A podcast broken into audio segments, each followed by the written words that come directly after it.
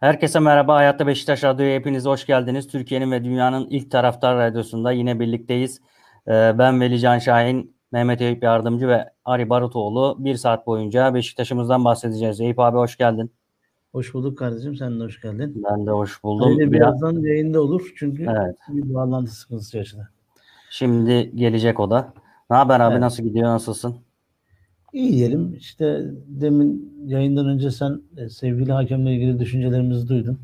Evet Burada duydum. tabii o duygularımızı dile getirmeyeceğiz. Tabii.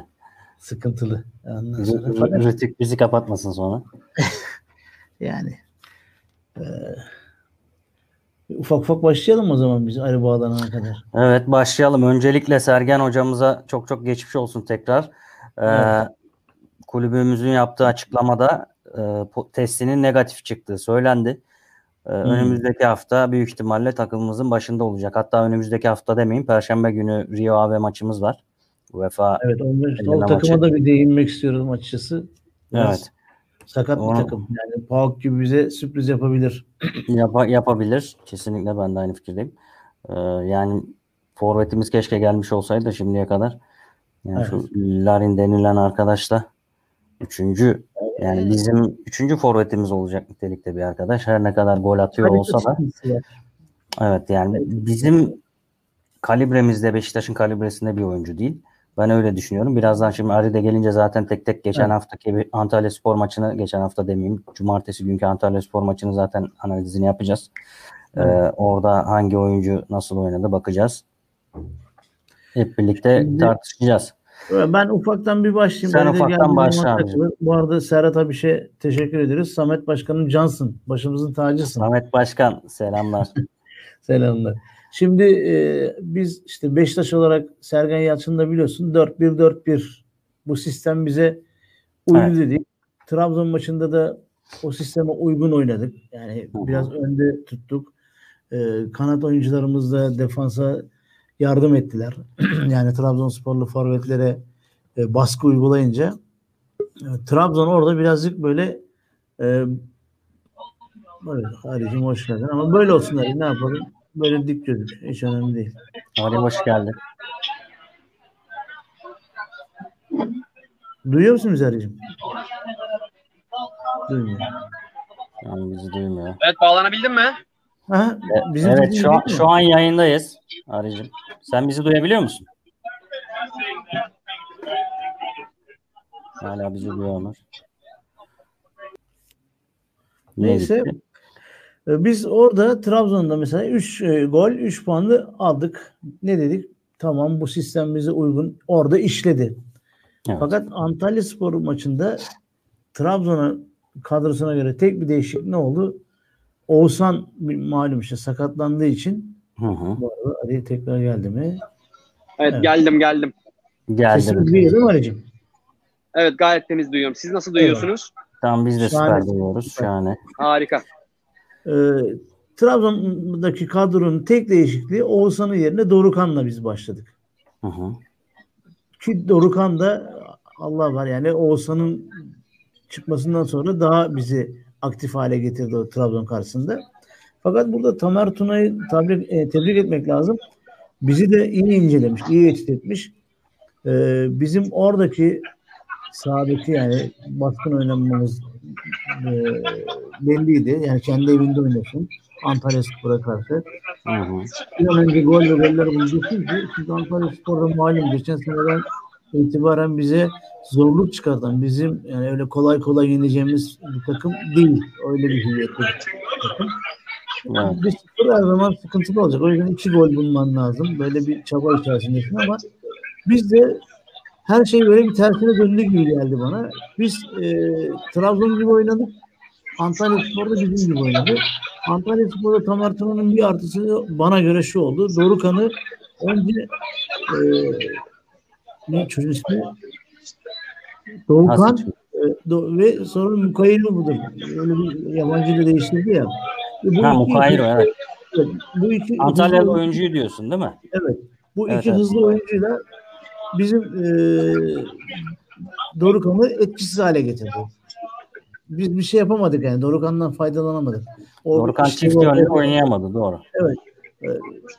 Atiba da sıkıntı yaşamaya başladı. Atiba'yı daha çok böyle bir yük bilmeye başladı.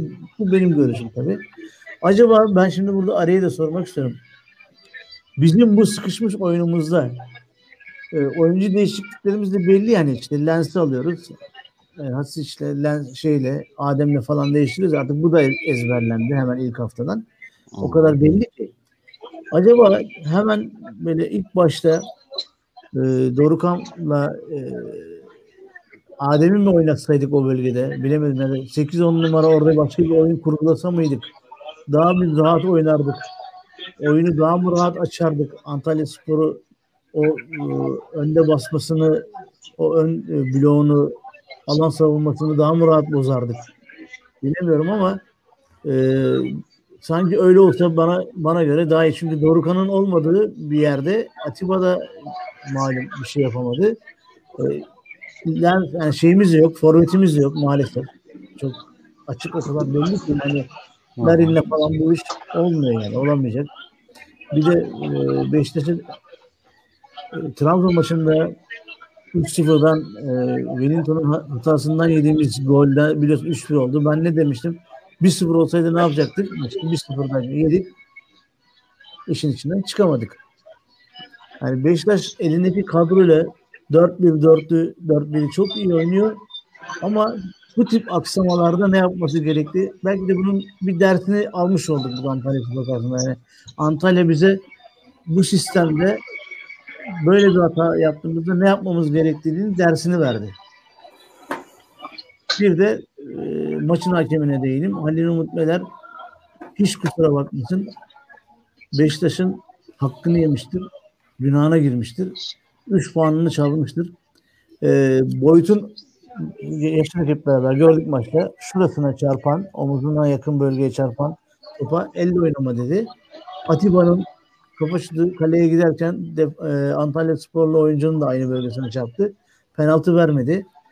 Bizim yediğimiz golde de e, Ensakala'ya yapılan hareket net faal. Hadi diyelim ki orada avantaja bıraktı top boyuta geldiği için. E, ve boyut avantajını kaybetti. Bir de taç bizden değil kesinlikle öyle yani bazı hakem yorumcularının dediği gibi efendime söyleyeyim iz düşümü, iz düşümü bu işler bu işin hikayesi yani şuna bakmasınlar. Dışarıda bizim atmamız gereken tacı da onlara verdi ve biz gol yedik. Atılan gol yani o Gökdeniz iyi topçu, iki ayağını iyi kullanan bir futbol. Yani onu çocuğa bir şey söylemiyorum ama olayların başlangıcına baktığımız zaman e, bize yani en sakalaya faal vermesi gerekliydi. Hadi avantajı oynatın. Avantajı kaybettik. Taç bizden, bizim hakkımız. Ne tacımızı verdin ne avantajımızı verdin. Bir de bize gol yedirttirdin. Bu dakikadan sonra geçmiş olsun. Başka bir şey diyeceğim yok. Ben şimdi sevgili araya bırakayım söyleyeyim. Ee, tekrar iyi akşamlar herkese. İyi akşamlar. Ee, şöyle e, başlayayım. Fotospordaki yazının başlığıyla başlayayım ben. E, bence bu beraberlik tamamen bir iş kazasıydı. Neden iş kazası?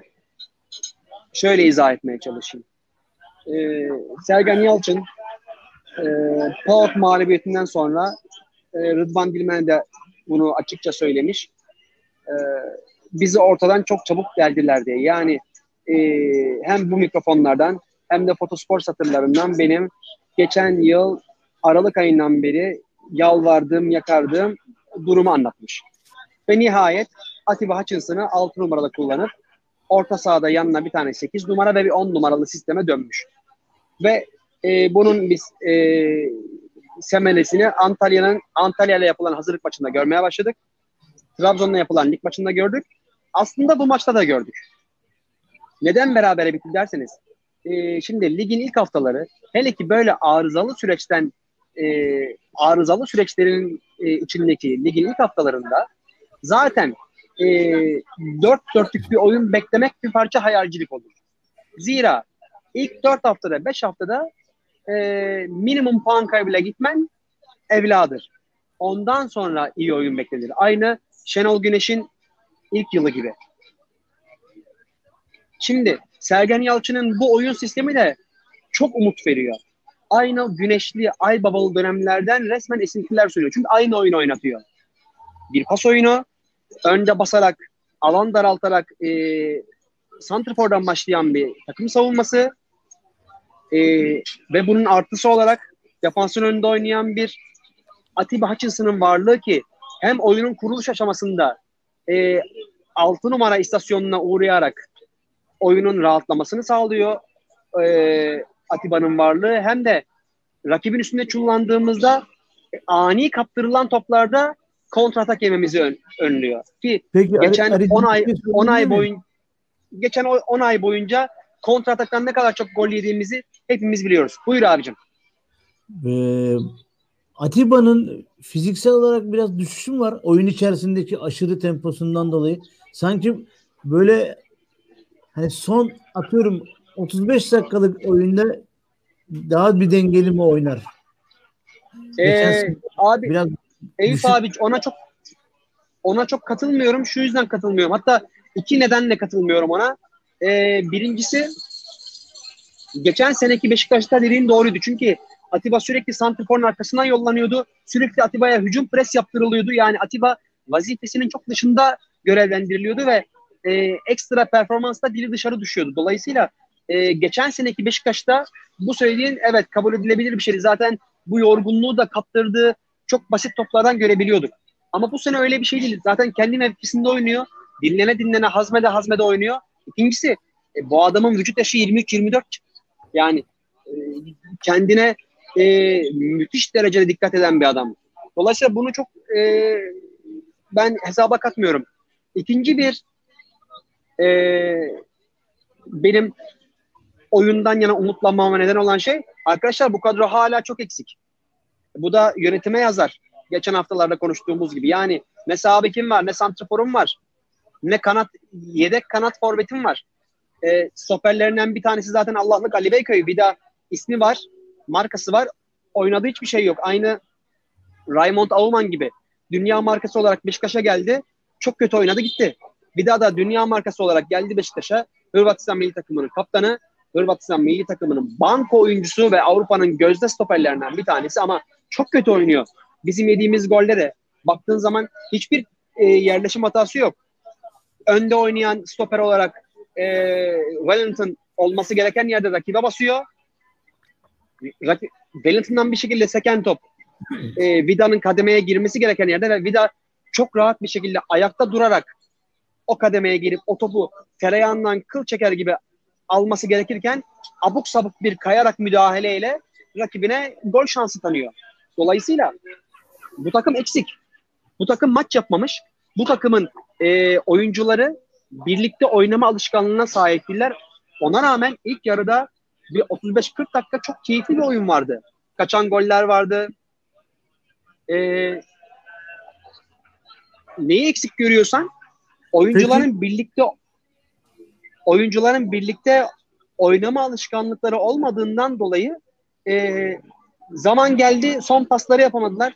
Zaman geldi çok basit ara pasları anlaşmazlıktan dolayı taca attılar dışarı attılar ama bu oyun müthiş bir şekilde gelecek vaat ediyor. Bakın ben geçen aylarda Sergen Yalçın'ı oynattığı oyundan dolayı kazanırken eleştiriyordum. Şimdi samimiyetine inansın izleyicilerimiz diye söylüyorum. Şimdi de puan kaybederken övüyorum. Çünkü doğru oyun oynatıyor.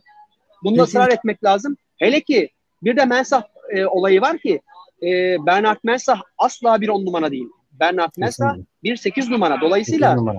E, Adem Laiç e, oyuna girdiğinde hazır bir Adem Laiç olarak oyuna girdiğinde Mensah Atiba'nın yanına çekilecek. Yani Atiba Mensah Laiç olacak orası. İşte Peki, o zaman bir şey söyleyeyim Ali'cim. Buyur Malum abi. Souza'yı transfer ettik de Souza'nın takıma girmesiyle Atiba'nın da yükü azalmaz mı? Orada bir Şöyle şimdi olmaz mı?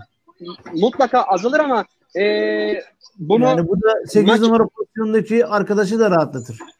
Şöyle e, Souza'nın oyuna oyuna girmesi ya Atiba ya Souza olarak olacak.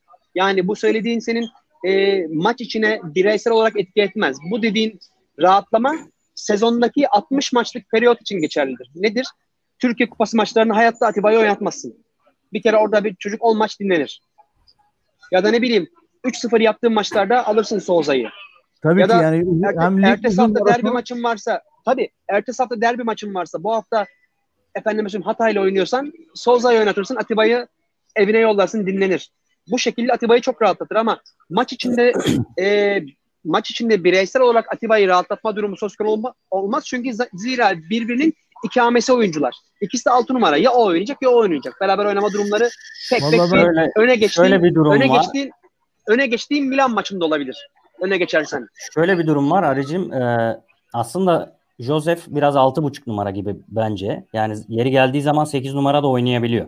Yani Atiba ile birlikte Yine tabii ki önde oynadığımız maçlarda daha defansif de kullanabiliriz. Ama zor durumda kaldığımızda örnek veriyorum Dorukhan sarı kart cezalısı. işte Oğuzhan sakat. Bize bir 8 numara lazım.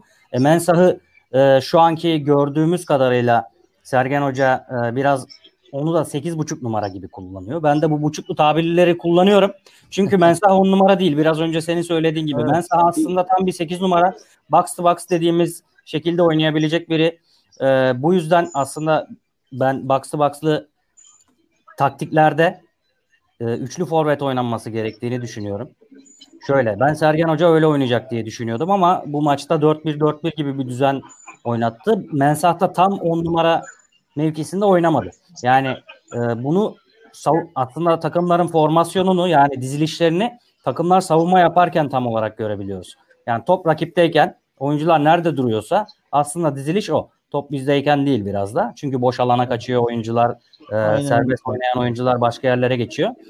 Ben dikkatlice izledim. 4-1 4-1 gibi başladık. E, Mensah bazen öne çıktı.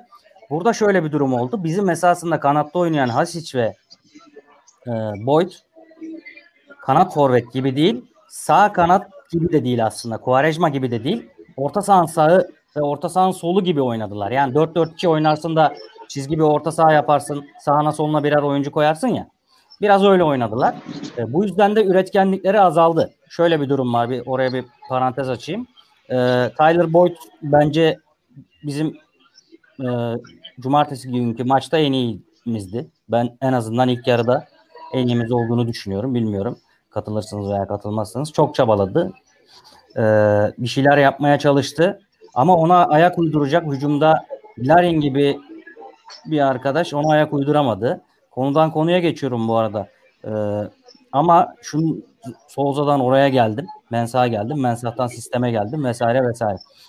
Ee, şeyin biraz daha e, Sergen Hoca'nın kanat oyuncularına biraz daha özgürlük tanıyıp biraz daha forvete yakın oynatması gerekiyor. Yoksa e, böyle 1-0'la 1-0'la 1-0'la bu işin gideceğini düşünmüyorum. Trabzon maçındaki e, 3-1'lik skor bizi yanıltmasın. Özellikle ben şöyle söylemek istiyorum. Var. Ee, Veli oraya gelecektim aslında. Ee, oyunu bir anla bir tamamlayayım oyunu anlatma durumunu. Ondan sonra zaten evet. oraya geleceğim. Ee, tamam. Üç aşağı beş yukarı anlaştığımız konular da olacak. Anlaşamadığımız durumlar da olacak. Şimdi e, sistem ilk 35-40 dakika gayet güzel işlerken Beşiktaş öne geçmişken goller kaçırırken Dorukhan'ın bir tane bomboş kafası var. Onun dışında üçüncü bölgede son pası yapamadığımız net 3-4 tane pozisyonumuz var. Son pası yapabilseler e, kabak gibi pozisyonlar çıkacak ortaya. E, evet, lakin iki, ikinci yarı ikinci yarıya Antalya Spor'un baskılı başlayacağını biliyorduk. O önde basma e, Antal rakibin önde basma durumunda e, birbirini tanıyan bir takım olsa paniklemeden yine pas yaparak çıkar ve çok daha rahat gole gider. Ama Beşiktaş hazır olmadığı için birbirini tanımadığı için ve e, yetersiz bir kadroyla sahaya çıktığı için o ilk ilk 20 dakikalık Antalya baskısında pas yaparak çıkmak yerine e, tam tersi alelacele uzun top kullanarak çıkmaya çalıştılar. Ve attığın her uzun top yeni bir Antalya baskısı olarak sana geri döndü. Bu da senin bir parça yorulmanı sağladı. E, bununla birlikte senin de söylediğin gibi Santrfor'un gol atmasına rağmen Beşiktaş kalitesinin çok altında bir adam olması, e, oyuna sonradan giren için ağırlığını oyuna koyamaması, ona keza Lens'in ağırlığını oyuna, oyuna koyamaması e, tamamen kaybedilen puanlara bir nedendi. Bununla birlikte bir de artık e, Galatasaray'ın kadrolu hakemi olan e, tesadüfen dünyaya gelmiş bir Halil Umut Meler arkadaşımız var.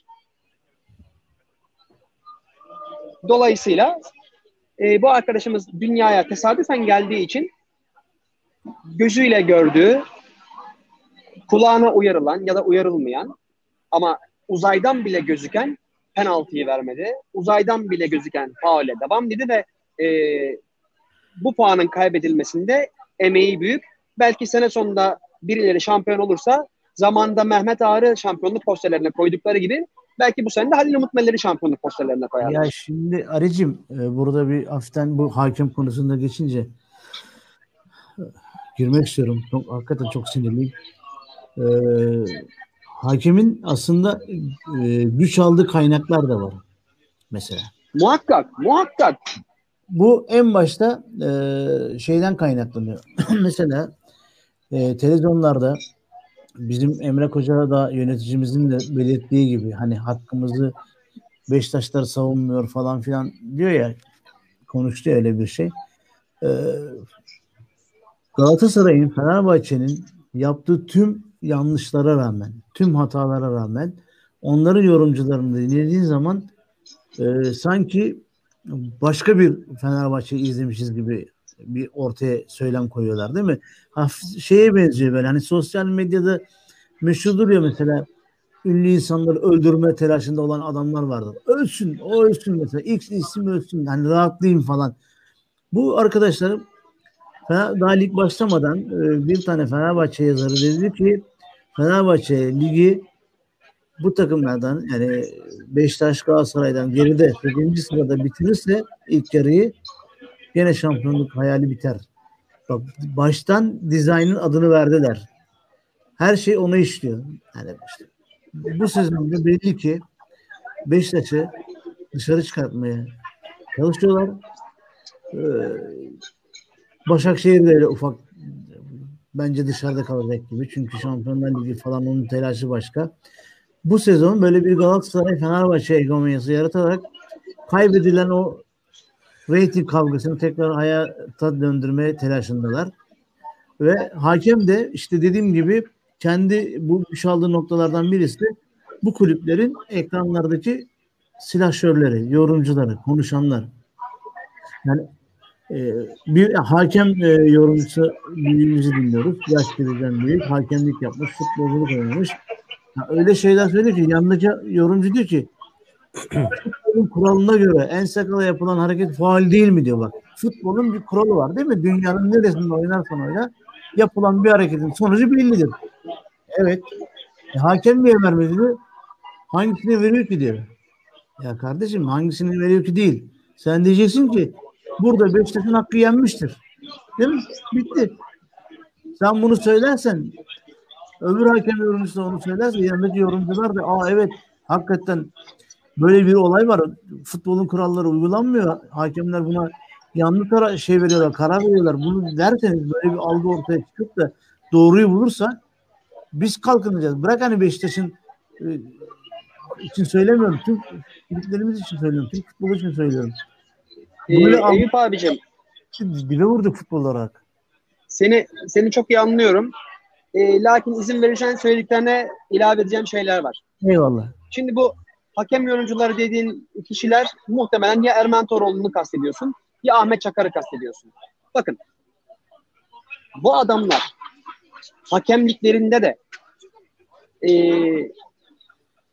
can gönülden maç yönetmediler ki bu adamlar özellikle Beşiktaş maçlarında zaten kasti düdükler çaldılar. Bakın önce şunun kararını verelim.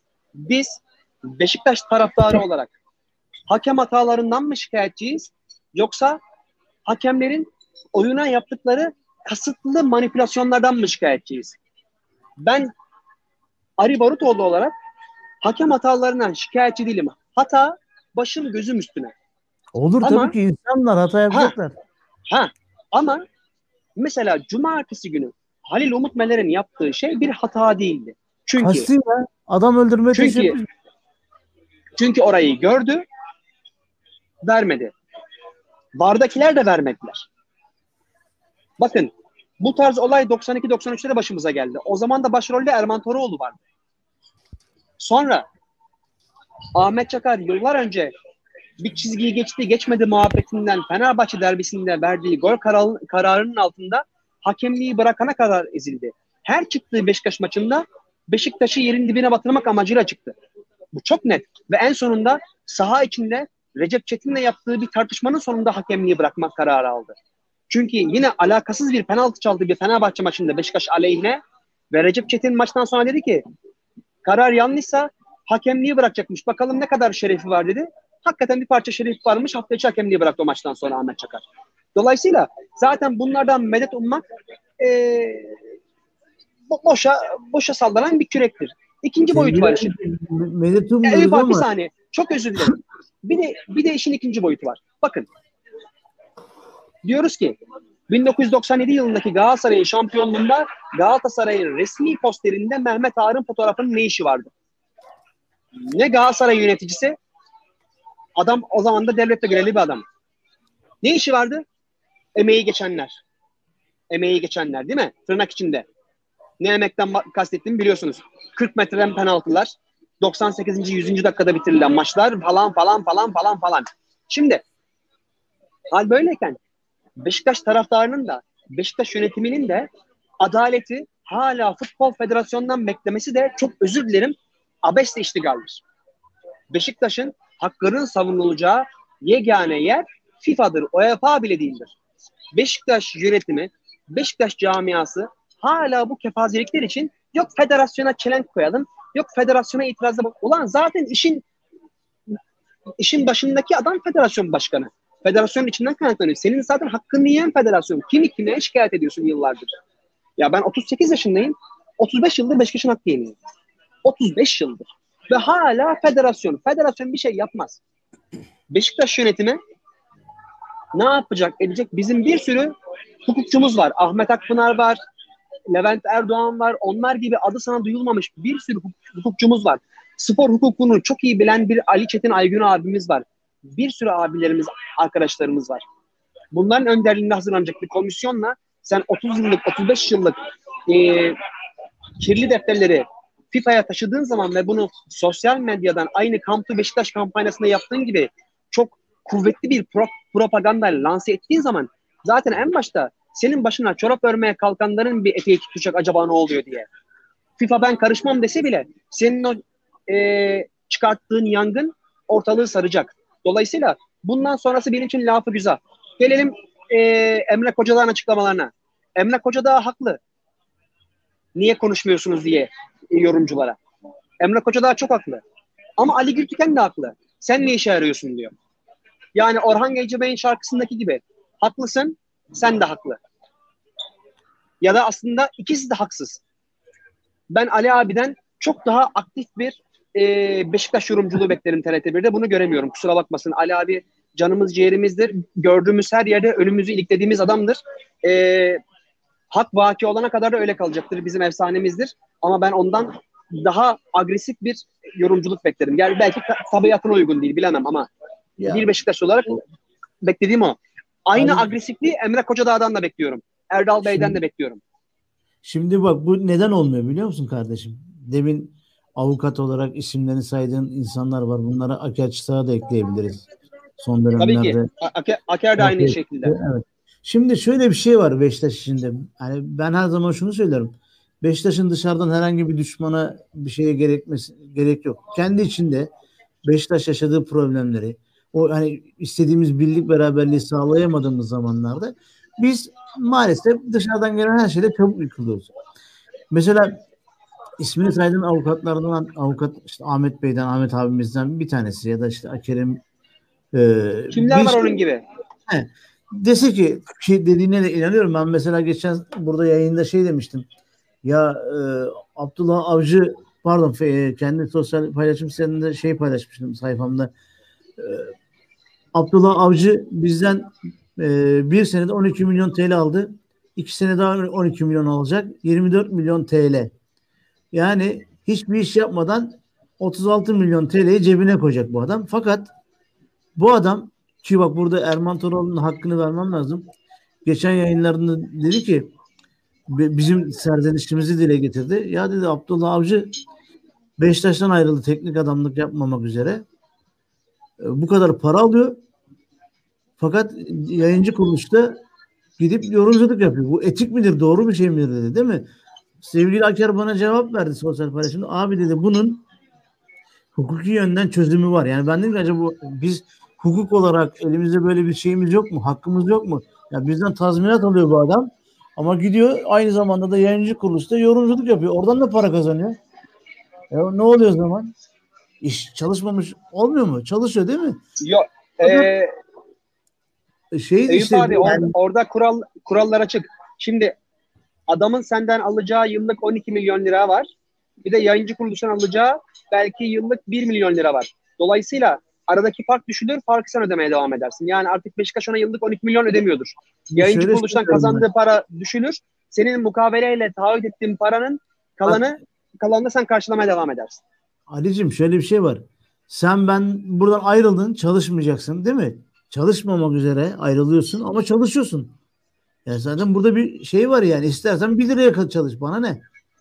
Ya da 1 liraya niye çalışıyorsun? 12 milyon lira kazanıyorsun zaten. Muhtemelen orada kontrattaki e, madde şudur. Teknik direktörlük yapmayacak diye bir madde vardır. Antrenörlük yapmayacak hayır, diye. Yani başka bir yerde çalışamaz diye bir madde değildir bence. Yo, yo, işte çok saçma değil mi yani? Sırf teknik direktörlük yapamaz ibaresini oraya ekletti diye adam her işi yapabilir mi yani? Şu an Ee, öyle. Şimdi Yani hakkımızın yenmesi bu kadar kolay mı? Ha, biz kendi içimizde demin lafımın başına geleyim. Kendi içimizdeki o birliği e, sağladığımız zaman herkes aklınca kendi bildiği doğrusunu ortaya koyar. Ortak bir değerlendirme yapılır ve Beşiktaş'ın hakkı neyse savunulur. İşte savunulmamasının Ee, sebebi arada mesafe koyuyoruz. Eyüp abi Yani- çok haklı çok çok haklısın. Emre yani dediğin gibi gerekir. Sen ne yapıyorsun o zaman? Hakikaten hani sezon başladı. Avrupa kupalarını oynuyoruz. Bak çok önemli bir rakip var. PAOK gibi önemsemediğimiz ama bizim başımıza iş açacak bir rakip var. Sağ bekin yok, forvetin yok. Orta sahan bilmem ne. Yani Oraya- ne zaman? Onunla ilgili e, dinli şimdi yorumlara bakıyorum bir yandan konuşurken bir de. yandan Ali onu- Şahin evet. Ali Şahin demiş ki tam onu önce okuyayım sonra yorumlara ayrıca bakalım. Emre Koca da algı yapıyor. Beraberlik ve transfer tepkilerini sindirmeye çalışıyorlar demiş. Yani burada algı yapma konusunda siz aynı fikirde misiniz? Ben algı yaptığına inanmıyorum. Ama kendi hatalarını da biliyorlardır herhalde. O ayrı konu. Ama bu işin algısı olmaz yani. Eyüp abinin dediği gibi kendi hatasını kamufle etmek için e, Beşiktaş e, Beşiktaş yorumcusu olarak adlandırılan işte işte Ali Ali abiye ne bileyim işte bu tarafta Metin abiye falan e, sarmaya kalktı. E, aslında söylediklerine maalesef haklılık payı da var yani. Çünkü ne Ali abiden ne, ne Metin abiden e, daha doğrusu Okan Koç dışında kimseden bir pençelerini çıkartmış kartal imajı göremiyoruz. Kusura bakmasınlar. Şimdi şöyle bir durum var. Ben biraz olaya başka bir açıdan bakmak istiyorum. Yayıncı kuruluş, onun dışında TRT ve NTV'deki yorumcular genelde objektif olmaya çalışan yorumcular. Yani pek böyle bir sivri dilli e, veya bir takımı ölümüne savunan bir yorumcu şimdi Haşa onu çir- kastetmiyoruz ki. yo yo ben hayır şunu demek Biz istedim. gitsinler Ze- Zeki Uzun Durukan gibi amigoluk yapsınlar demiyoruz ki. Ama Kesinlikle. en azından şu penaltı ama en azından şu penaltı pozisyonunda da köşeli konuş, yuvarlak konuşma. Ha, Köşeli ben konuş ki ben de ne dediğini ah tam diyeyim. bilmiyorum. Ee, Yani- ne yorum olarak Erman ne dediğini bilmiyorum ama penaltı ya da penaltı da evet demek. Nasıl doğru evet yani. kardeşim bu? Nasıl, Nasıl neyine evet yani?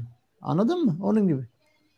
Özür dilerim lafa girdim yani. Yo ben o o sırada duyamadım seni de kusura bakma. Yok, yok. Biraz Erman. Toroğlu iz düşümü dediği zaman yanındaki Beşiktaşlı e, yorumcu arkadaşa sesini çıkartmıyor. Bak onun yanındaki Reha Kapsan mıydı? Eski futbolcu diyor ki bazı yorumcular diyor top sektirmesini bilmiyor. ip atlayamazlar diyor. Yorum iyi de kardeşim senin iki yanındaki oturan adam gözlere göre yorum yaparken hak doğuruyor. Ona ne dönüp de ya hocam sen de hata yapıyorsun demiyor. Yani bu neye benziyor? musun? Bunlar oturmuşlar bir yere. Buranın dışındakiler herkese kötü biz iyiyiz. Böyle bir pozisyon yaratıyor. Abi e, sana geçenlerde bir örnek vermiştim hatırlıyorsun. Yani önüne küre koyup başından aşağı çarşaf geçirip canlı yayında Türk futbolunun geleceğine bakıyorum diyen bir adamın yorumlarını hala ciddiye mi alıyorsunuz ya? Bu ben mi o alıyorsunuz? Affedersiniz ama affedersiniz hayır bunu Erman Toroğlu yaptı da affedersiniz ben böyle bu adamı ne dinliyorum ne gazetede okuyorum. Yani gördüğüm zaman kafamı çeviriyorum. Çünkü ciddiye alınacak bir şey değil. Canlı yayında bunu yapıyorsa bir insan bu tamamen reyting amaçlıdır. Yani Değil burada şu olacak. Abi artık e, özür diliyorum bir cümleyle bitireceğim. Artık şu oldu. E, şimdi işin içine sosyal medya girdi ya. E, bir takım kaybettiği zaman o takımın böyle aleyhinde konuştuğun zaman sosyal medyada Beşiktaşlılar saydırmaya başlıyor şimdi. Saydırdığı zaman ne oluyor? Herkes diyor ki A A haberi açın. Hemen arkadaşlar A Spor'u açın. İşte Erman Toroğlu Beşiktaşlara şöyle bir şey demiş. Hop hemen herkes A Spor açıyor. Ne oluyor? Böylece reyting yükseliyor. Yani bunu bilinçli ve kasıtlı olarak yapıyorlar. O yüzden ben çok kale almamanızı e, rica yani, ediyorum. Boşuna o adamlara da sinirlen. Normalde izlemiyoruz. Veli kesinlikle katılıyorum sana.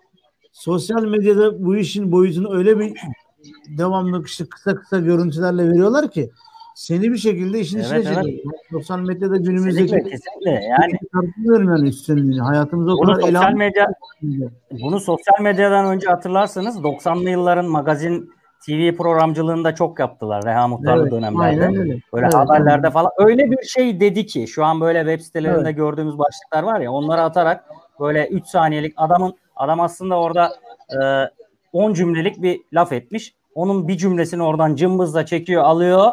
Hop ne oluyor? Ondan sonra ortalığı yaygaraya veriyorlar. Yani o yüzden ben e, o, o tarz adamların artık yorumlarını hiç böyle kale almıyorum. Gerçek Beşiktaş taraftarları lütfen, lütfen yani onlara e, itibar etmesinler. Bir başkanımızın hakkında söylediği laflardan dolayı da kınıyorum yani. Eğer Beşiktaş kulübü bu adam hakkında hukuki yola başvurmazsa da Başvurmuş, başvurmuş. Bugün açıklama geldi Eyüp abi. Başvurmuşlar. Ya bu herkesin ya bak, ara... herkes haddini bilecek diye bir laf yaptılar ya bize. Evet abi herkes haddini bilecek. Ben ha biz kendi içimizde kendi içimizde başkanımızı, yönetimimizi eleştiririz, konuşuruz ayrı bir şey ama biz bunu yaparken bile belli bir edep çizgisini geçmeyiz. Ha, kesinlikle yaşa. Ele, bak şimdi. Yani kesinlikle aynı, öyle olması gerekiyor. Bak e, başkan benim başkanım tamam mı? Ben ben eleştiririm. Lisanı münasip eleştiririm. Ama başkasına laf ettirmem. Bakın bunun bunun çok daha büyük örneği hafta içinde oldu. Evet. Ee, bir e, Yunan gazetesi bizim Cumhurbaşkanımız için e, sinkaflı bir manşet attı. Evet. Nokta nokta git Erdoğan diye manşet attı. Bak şimdi. Ben hayatım boyunca e, ne Tayyip Erdoğan'a ne onun partisine e, oyun olsunu vermiş bir adam değilim. Ama dışarıdaki kimse benim Cumhurbaşkanıma küfür edemez. Kusura o bakmasınlar. Kadar, o kadar. İşin özeti bu. Kusura bakmasınlar. Kesinlikle, kesinlikle. Ben, ben, ben sevmem.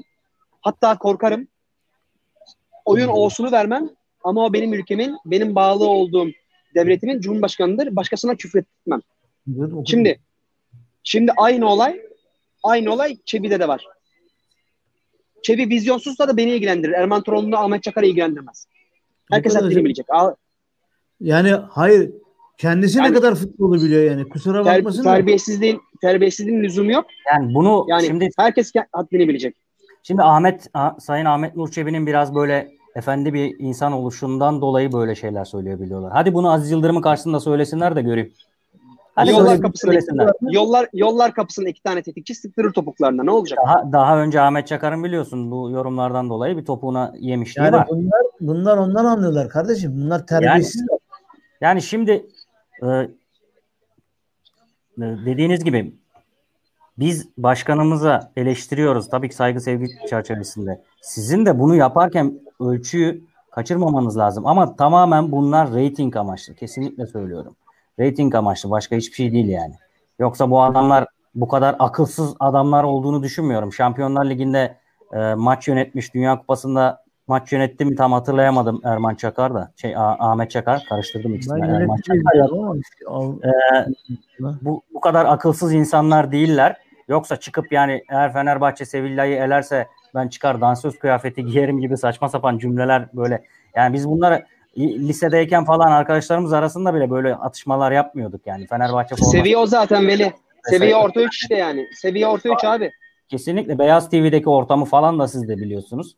Yani hadi orada Sinan Engin çıkıyor, iki bağırıyor.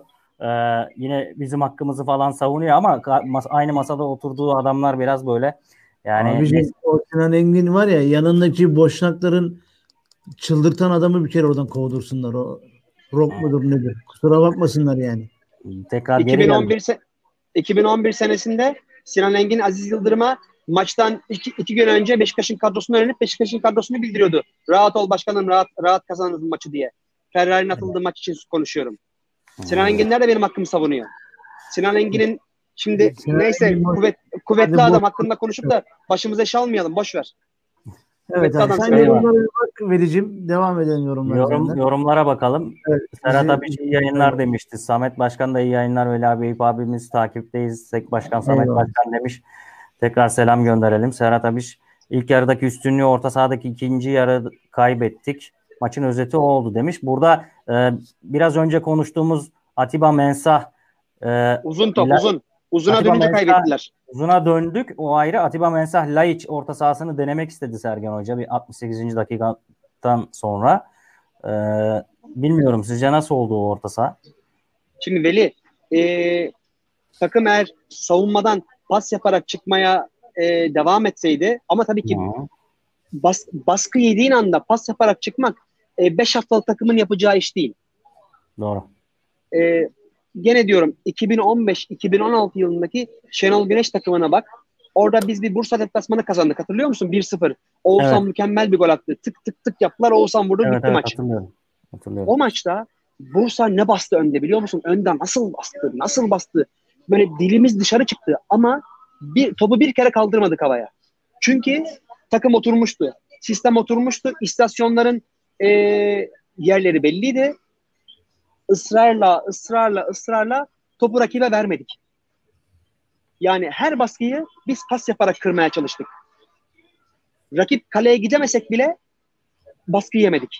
Yani onların onların o baskıları en sonunda maçın sonunda onları yordu. Ama burada Antalya maçında henüz o beceriye sahip bir takım yoktu. Bu olacak. Sergen Yalçın bu sistemden vazgeçmezse, yeni transferlerde bir an evvel gelirse biz bu işi Kasım ayının başında görmeye başlayacağız Allah izin verirse. Tabii Ama başka... şu an için panikleyip uzuna döndüler ve e, uzun top oynanırken de orta üçlünün e, etkinliğinden bahsetmek lafı güzel olur. Çünkü uzun top oynanırken orta üçlü tenis maçı seyircisine dönüyor. Herkesin evet, kafası havada topu seyrediyor yani. Top gelmiyor ki onlara. Doğru. Yani görme e, imkan Tabii. yakalayamadık biz de. To- topla diyalogları kalmıyor ki. İsmail Uzun demiş ki hiç konuşmaya gerek yok. Lig dizayn, dizayn edildi. Şampiyon Fener alenen belli demiş. Baya zaten transfer sezonun başından beri algılar yapılıyordu.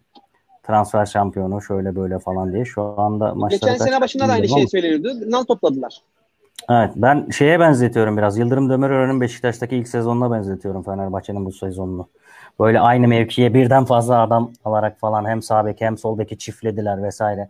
Böyle işte çalım transferleri yapmaya çalışarak e, bir sürü adamı doldurmuştu. Ali Ali Koç aslında Ali Koç e, son kurşununu oynuyor. Yani bu senede e, eğer ilk yarıyı, ligin ilk yarısını Fenerbahçe dördüncü, beşinci bitirirse olağanüstü kongreye giderler zaten. Seçimli Muhtemelen kongreye öyle. giderler. E, ve aldıkları transferlere baktığın zaman da hakikaten e, ulan şu herifi nasıl aldılar diyeceğim bir tane adam var. Filip Novak. Evet, onun dışında e, onun dışında Gökhan'ı Caner Caner'i biz e, kapının önüne koyduk adamlar aldı. Sosa gelmiş 35 yaşında. Yaşını da boş ver. Sosa Beşiktaş'ta iki buçuk sene top oynadı. iki buçuk senede istikrarlı olarak iyi oynadığı sadece beş ay var ilk şampiyonluğumuzun aralığından Mayıs'ına kadar olan süreç. Onun dışında Sosa bir var beş yok zaten. Evet, Sinan evet. Gümüş yedek yani sürekli yedek oyuncularla yani aslında aldıkları adamlar gene Fenerbahçe'nin kalibresinde adamlar değiller. Sadece geçmiş yıllardaki o Fransa Ligi'nin ikinci sınıf Cezayirleriyle dolu Fenerbahçe'ye göre daha iyi bir kadro kurdular. Ama yine benim çocukluğumun Fenerbahçe'sinin kadrosunun yanına yaklaşamaz bu aldıkları adamlar. Bence de. Kesinlikle sana katılıyorum. Şu anki kadroları da zaten öyle. Yok abi ee, tırt. Ve İsmail... o, o Vedat Muriç transferi de kurcalansın. Abi yani ondan önce Muriç'in... on, ondan önce Elif Elmas tra- transferi var. Bir yaşa, kere onu kurcalayın. Yaşa. Yani hadi Vedat Muriç'i şimdi zaten kurcalanması gerekiyor. O apayrı bir konu. Ben de aynı şekilde düşünüyorum. Ya tamam bu adam bir şekilde etti. İşte pivot santrafor, Lazio büyük kulüp falan vesaire. Abi Elif ee, Elmas ne yaptı da 16 milyon euroya transfer oldu? Napoli ve gibi. Bu, ve bu şaibeli transferler ne hikmetse İtalya'ya oluyor. Evet öyle de bir durum var ve İtalya'da çok tertemiz birliktir sen bilirsin Serie A. Aşırı temiz birliktir yani. ya onlar adı sadece temiz. Abi şöyle şöyle bir durum var. İkinci lig e, Fenerbahçe ikinci lige bir 1 milyon euroya yedek kaleci göndermiş bir takım. Tabii canım. O, Ertuğrul tarihinde o kadar parası. Aynen. Bolu Spor e, belki tarihinde o kadar transfer yapmadı Eyüp abinin dediği gibi ama 1 milyon euroya kaleci transfer etti yani. Tarihinde. Çok acayip şeyler var da neyse. E, konuşmayalım daha fazla. İsmail Uzun demiş ki orta saha çok şişti. Orada alternatif çok fakat sağ bek ve forvet transferi olmazsa Larin asla Beşiktaş'ın forveti olamaz. Kalinic kazma bir forvet top sürme özelliği yok. Abu Bakar'ın gelmesi gerekir demiş. E, Kalinic'in top sürme özelliği çok fazla yok ama Sergen Hoca'nın sistemine uyacağını düşünüyorum ben açıkçası. Yani illa Şimdi baskılı oynayacağın için bak top sürme özelliği gereken gerektiren santrforlar e, özellikle bekleyen takımlar için lazım. Çünkü at götürsün bir şekilde seni oraya taşısın. Cenk evet. Tosun'un da top sürme özelliği yok. Ama hücum ettiğin zaman Cenk Tosun'un kalitesi ortaya çıkıyor. Kapandığın ben, zaman Cenk Tosun yoklar oynuyor. Dembaba'nın da yoktu abi. Dünya kadar gol attı adam. Bakın yani. Kalinic de tam bir pivot santrfor. Ee, Mario Gomez gibi 30 gol atmaz. 15 gol atar, 16 gol atar ama onun varlığı etrafındaki sağ açığa, sol açığa ve 10 numaraya çok gol attırır. Kesinlikle. 10 numara oynamanın özel e, özelliği bu. Bu arada e, zaten birazdan puanlama da yapacağız vaktimiz olursa oyunculara. Larin'in de e, Kalinic'in işte hatta bu maçta Antalya Spor maçında Adis Yahovic'i bir keşke izleyebilse de sırtı dönük nasıl oynanır? Nasıl böyle havadan top ge- gelindiği zaman stoperin neresine geçilip yükselilir? Bu 1.88 boyla böyle bir fizikle bunları öğrenmesi lazım.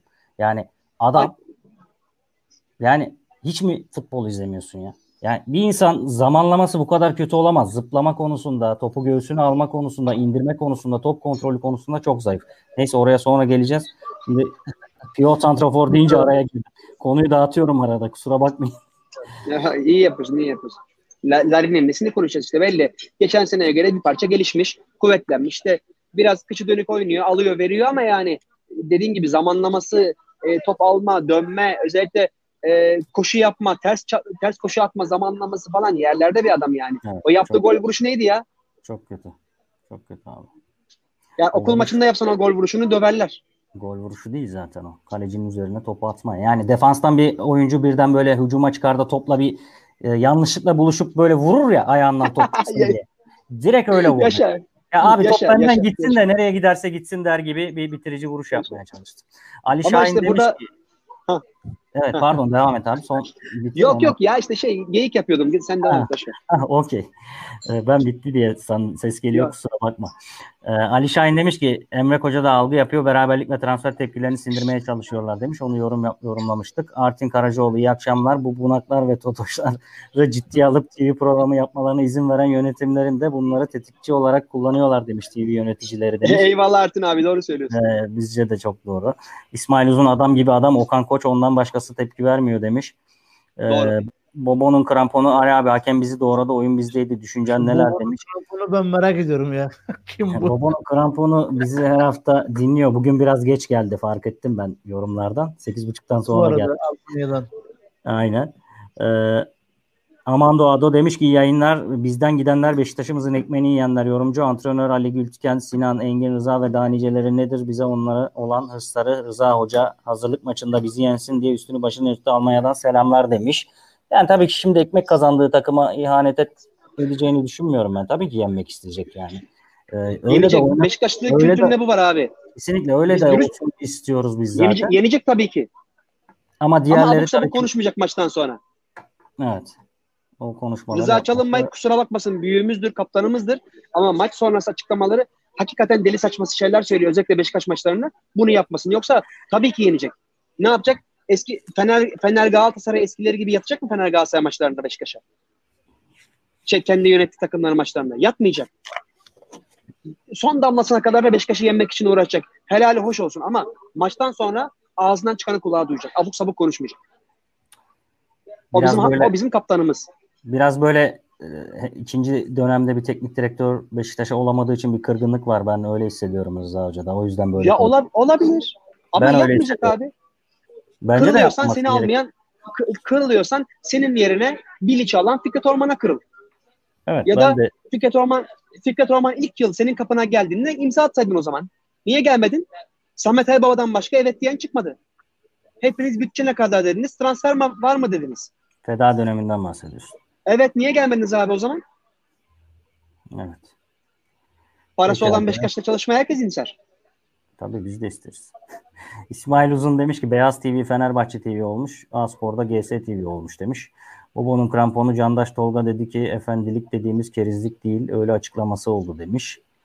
E, tabii ki bu Candaş Tolga Işık'ın açıklamasını dinleyen oldu mu? Ben dinlemedim bilmiyorum. Ben din, dinlemedim ben de bilmiyorum. Kim, kimden bahsediyor orada anlamadım. Yani e, bizim yönetimi mi eleştiriyor? Çok efendisiniz bu kadar keriz kadar davranmayın diye. Yoksa efendiyiz ama keriz değiliz kusura bakmasın kimse mi demek istemiş acaba? Yani bence ikisini demek istemiş olabilir. E, zira e, zaten bizim derdimiz sabah döneminden beri bu değil mi?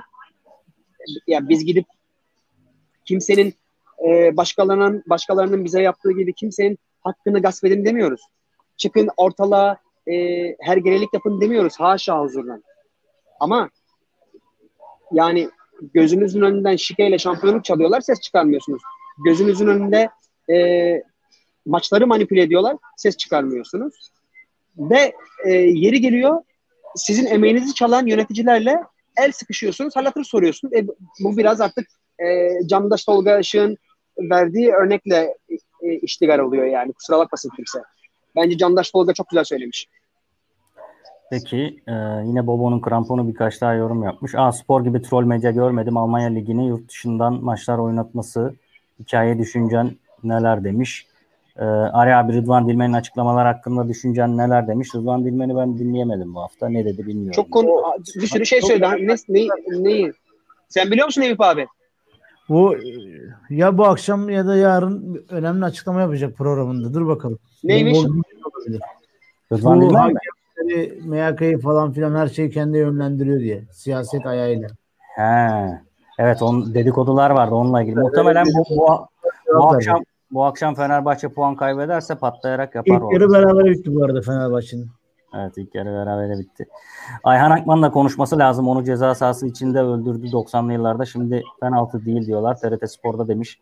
Evet Ayhan Akman'a bir böyle ayakla makas atma, boyundan makas atma faali vardı. Yani benim gelmiş geçmiş İnönü'ndeki Antalya maçı. Kimin yaptığını hatırlamıyorum ama Samsun maçı da olabilir.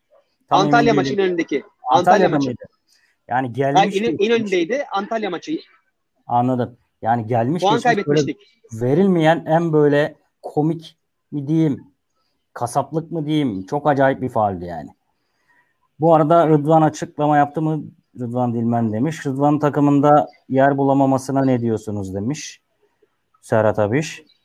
Valla biraz daha böyle e, yer bulamamaya devam eder bu, bu iş. Şimdi e, o konuda bir şey söylemek istiyorum. E, Sergen Hoca da e, canımız ciğerimizdir ama o da isim seven bir adam.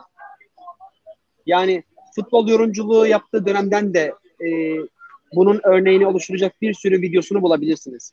Dolayısıyla Rıdvan'ı mecburiyetten birkaç maç oynattı ve Rıdvan'ın yaptığı en küçük hatada daha 45. dakikada oyundan aldı. Yani 18 yaşındaki bir çocuğu e, hem de e, pahalıya mal olmamış bir hatasında daha 45'i oyundan alırsan o çocuğun özgüveninin içine edersin. Çok özür dilerim. O çocuğun evet. özgüvenini yerle bir edersin. Yani Sergen Yalçın Beşiktaş'ta ilk A takıma çıktığında Gordon onu sol açık oynatıyordu. Yaptığı orta penaltı noktasına ulaşmıyordu. Ona öyle mi yaptılar? Şu anda Enskaların alınmasını ben çok doğru buluyorum. Çünkü bundan aylar önce konuştuğumuz değerlendirme programları olduğu gibi Ensakala rakipler için çok gıcık bir stoper. Vazgeçmez, ısırır, yorar. Ama aynı oranda da yeteneksiz bir adam. E şimdi bu tarafta da pırıl pırıl parlayan bir çocuğum var. Dolayısıyla e, sen e, Rıdvan önünde Kolarov olsa hiçbirimiz ağzımızı açmayız ama Rıdvan önünde oynayan adam En Sakala. Dolayısıyla Rıdvan neden oynamıyor diyen arkadaşlarıma ben yüzde yüz hak veriyorum. Kesinlikle ama yine de bir bekin olması gerekiyordu. Yani tek bekle sezon bitmez. Tabii tabii Rıd- tabii ki. Bence, bence Rıdvan da çok fazla forma şansı bulacaktır diye düşünüyorum. Hatta İnşallah. bize şu anda mesela bir sabek değil iki sabek lazım bence.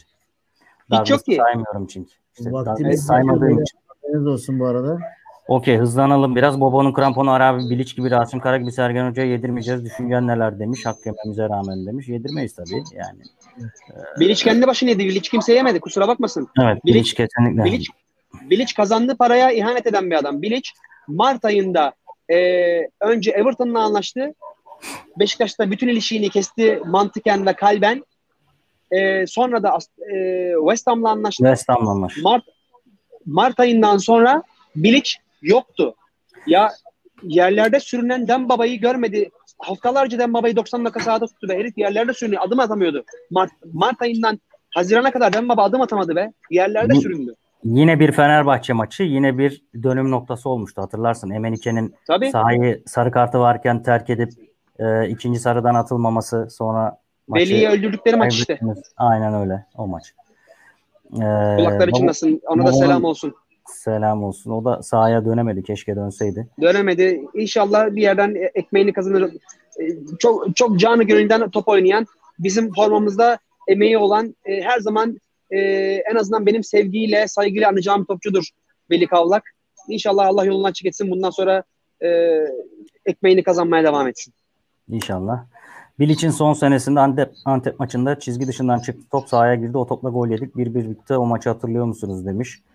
Hatırlıyoruz. Ee, aman da adı arkadaşlar elbette ki bize yapmasınlar ama çok sert oynatıyoruz. Daha hoca bize oynattığı gibi renkleri öyle oynatmıyor demiş.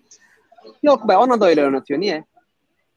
Geçen sene duman ettiler Fener'i Galatasaray'ı yani. Bize onlar da oynatıyor.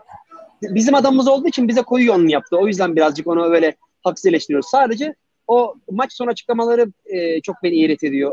O konuda e, sevgili arkadaşımıza, büyüğümüze bilmiyorum yaşını çok katılmıyorum ben. Sırrı Yayın demiş ki beyler niye Beşiktaş'ın futbolcularını küçümsüyorsunuz? Mesela Larin Beşiktaş'ın topçusu değil gibi demiş. Ee, Larin Beşiktaş'ın topçusu değildi. Kusura bakmasın. Yani üçüncü forveti olabilir ancak oluyorsa da kadroda. Larin'e Beşiktaş'ın topçusu dersek Beşiktaş'ı küçümsemiş oluruz. Yani. Bu Tam da, tersi. Aynen öyle. Evet. Pekala. En son o zaman şey yapalım. Şimdi bu hafta oyunculara Rio maçı var beyler. Ha, Rio Ave maçını konuşmadık. Sizce... Siz e, o takımı izlediniz mi bilmiyorum ama. Ben izlemedim. Geçen sene Liganos'u 5. bitirdi. Bu takım 5. bitirmiş. Hı hı. Bu sene de ilk maçı bu hafta oynadılar işte deplasmanda Tondela ile berabere kaldı. Kupada da e, Bosna Hersek takımını yenerek karşımıza çıkıyor. Orta saha oyuncularının gol atarak kazandığı maçlar var. Berabere kaldığı maçlar var. Ee, Manchester City'den transfer ettikleri e, bir oyuncu var Messino diye. Bu hafta onun attığı golle. Kupada da Ricardo Jose ve Nikola Jambor diye bir adam var. Bunlar çok tehlikeli adam. Bize karşı da Santrafor'da büyük bir ihtimalle şey oynatabilirler.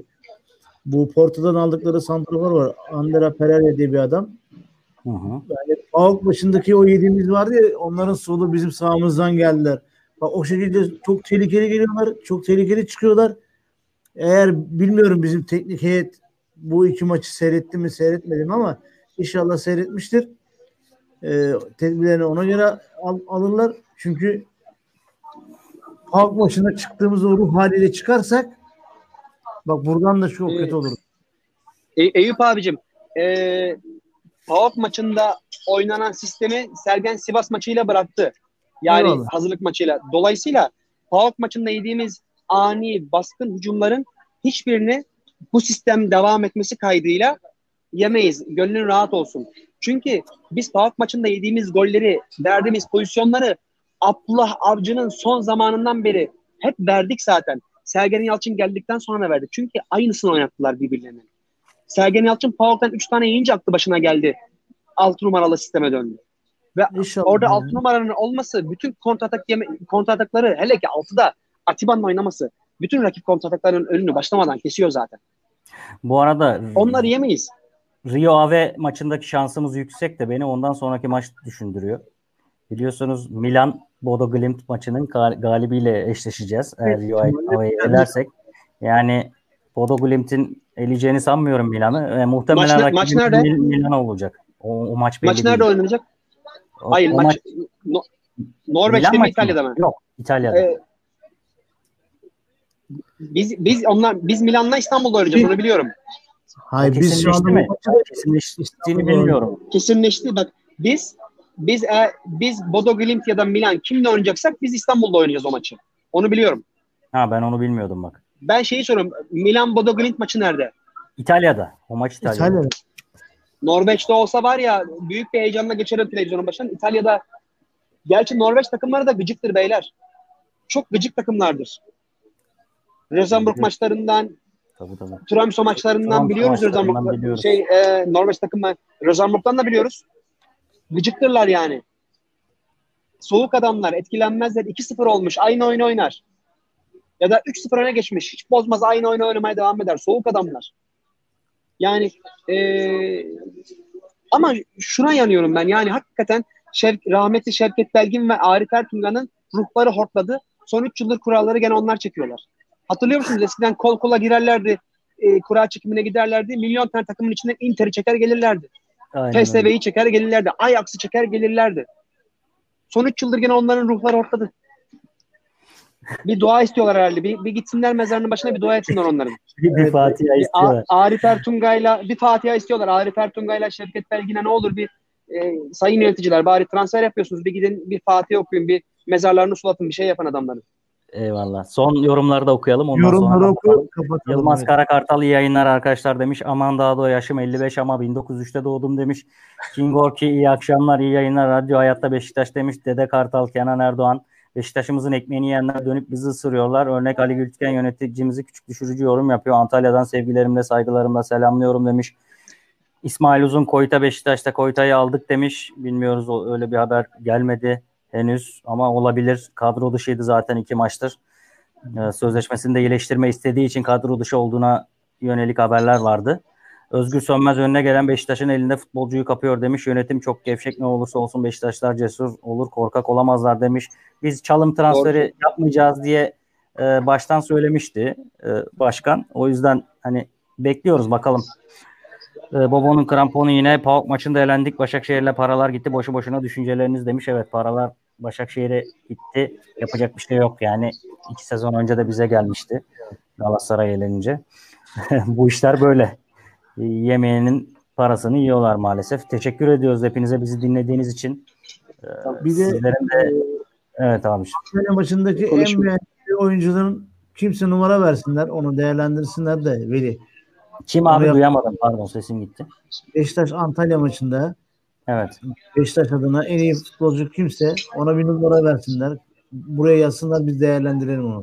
Yani 10 numara oyuncu kimdi? Atıyorum 9, 8 yani en Hı. iyiden aşağı doğru.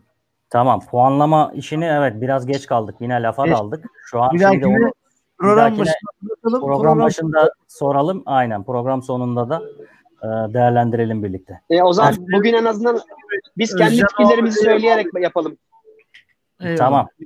Haftaya Evet. Özcan Algam ne olacak? Böyle hakemleri falan da bir değerlendirelim.